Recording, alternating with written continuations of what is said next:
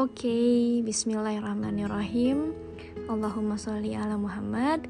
Langsung aku bacain ya Al-Kahfi Chat episode ke-25.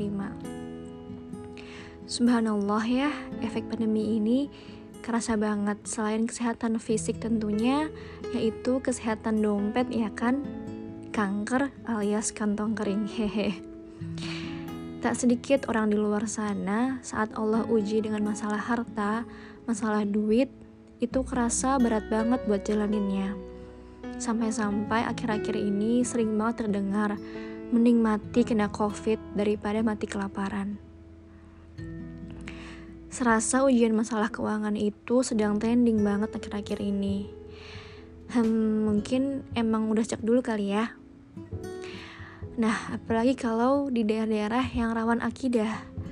Banyak banget mereka yang mau menukar keimanannya demi sekardus mie instan dan sembako. Mungkin kita berpikir, ngapain sih bisa-bisanya banget sampai murtad cuma karena nggak bisa makan? Ya tapi alhamdulillah ya, iman kita dijaga sama Allah sampai bisa berpikir seperti itu. Tapi bayangin deh, kalau kita yang ada di posisi mereka susah cari kerjaan, susah cari makan, dan selalu kelaparan. Kondisi dalam keadaan butuh banget yang namanya makan. Lalu tiba-tiba ada orang yang nawarin sesuatu yang selama ini kita butuhin, tapi syaratnya harus ditukar dengan keimanan kita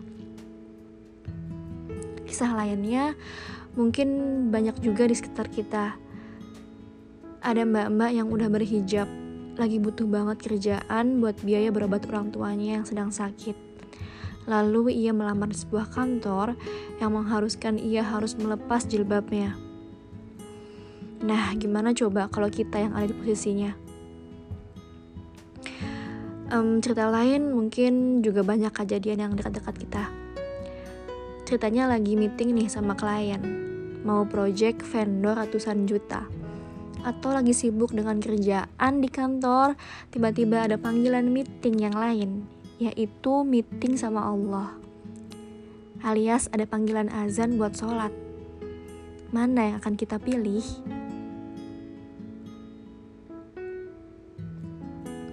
kisah lain yang lebih ekstrim bahkan ada yang sampai mengancam nyawa kita kalau kita nggak mau keluar dari agama Islam kita bakal dibunuh. Bayangin nggak kayak gitu? Masih sanggup nggak kita buat jaga iman kita ke Allah? Nah, ayat dalam surat Al-Kahfi kali ini keren banget. Kita bakal bahas Al-Kahfi ayat ke-14. Bacain ya. Bismillahirrahmanirrahim. وربطنا على قلوبهم إذ قاموا فقالوا ربنا رب السماوات والأرض والأرض لن ندعو من دونه إلها laqad qulna idzan syatata dan kami meneguhkan hati mereka di waktu mereka berdiri lalu mereka pun berkata Tuhan kami adalah Tuhan seluruh langit dan bumi. Kami sekali-kali tidak menyeru Tuhan selain dia. Sesungguhnya kami kalau demikian itu telah mengucapkan perkataan yang amat jauh dari kebenaran. Nah, kalau kita cek tafsirnya Imam Ibnu Katsir rahimahullah, kisah Ashabul Kahfi ini terjadi pada masa Imperium Romawi yang tentu saja leadernya belum beriman kepada Allah. Kemudian para pemuda ini diancam akan dibunuh jika mereka tetap beriman kepada Allah. Nah, keren di mana? Masya Allah, pada pemuda ini tetap stay dengan iman mereka. Dan dengan lantang mengucapkan, Tuhan kami adalah Tuhan seluruh langit dan bumi. Kami sekali-kali tidak menyeru Tuhan selain dia. Sesungguhnya kami kalau demikian telah mengucapkan perkataan yang amat jauh dari kebenaran yang tentu jelas resikonya adalah nyawa. Tapi kemudian Allah mengilhamkan kepada mereka untuk lari bersembunyi di dalam gua. Sedikit kita analisa ya, kok bisa sih ya iman mereka itu sampai sekuat itu? Nah, jawabannya ada di awal ayat. di ayat warabatna ala qulubihim dan kami meneguhkan hati mereka. Iya, jawabannya adalah karena Allah yang telah meneguhkan hati mereka. Jika Allah tidak meneguhkan hati mereka, mustahil bagi para pemuda Al-Kahfi bisa melakukan demikian. Jika Allah tidak meneguhkan hati kita, mustahil kita bisa berangkat memenuhi panggilan azan di saat ada meeting kerjaan. Jika Allah tidak meneguhkan hati kita, mustahil kita bisa menolak tawakan kerjaan yang syaratnya harus melepas jilbab.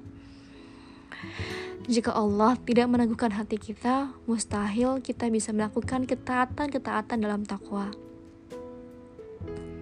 Ayat ini ngajarin kita banget untuk be humble, bahwa setiap ibadah kita itu adalah bukan karena diri kita, tapi semua karena Allah yang mengizinkan kita untuk melakukannya.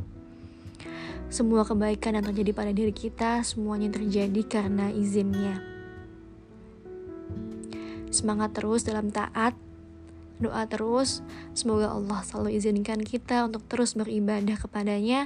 Semoga Allah terus kuatkan iman kita dalam kondisi apa pun. Insya Allah, kalau iman kita kuat, tidak ada ujian yang tidak bisa kita lalui. Insya Allah, kita bisa lalui juga masa-masa pandemi ini dengan izin Allah. Semangat terus ya. Barakallah fix, semoga Allah selalu memberikan keberkahan untuk kita semua dan keluarga kita. Diberikan kesehatan, kelapangan, rizki, dan dimudahkan selalu dalam segala urusannya. Sehat selalu, jangan lupa baca Al-Kahfi dan berbanyak salawat ya. Wassalamualaikum warahmatullahi wabarakatuh.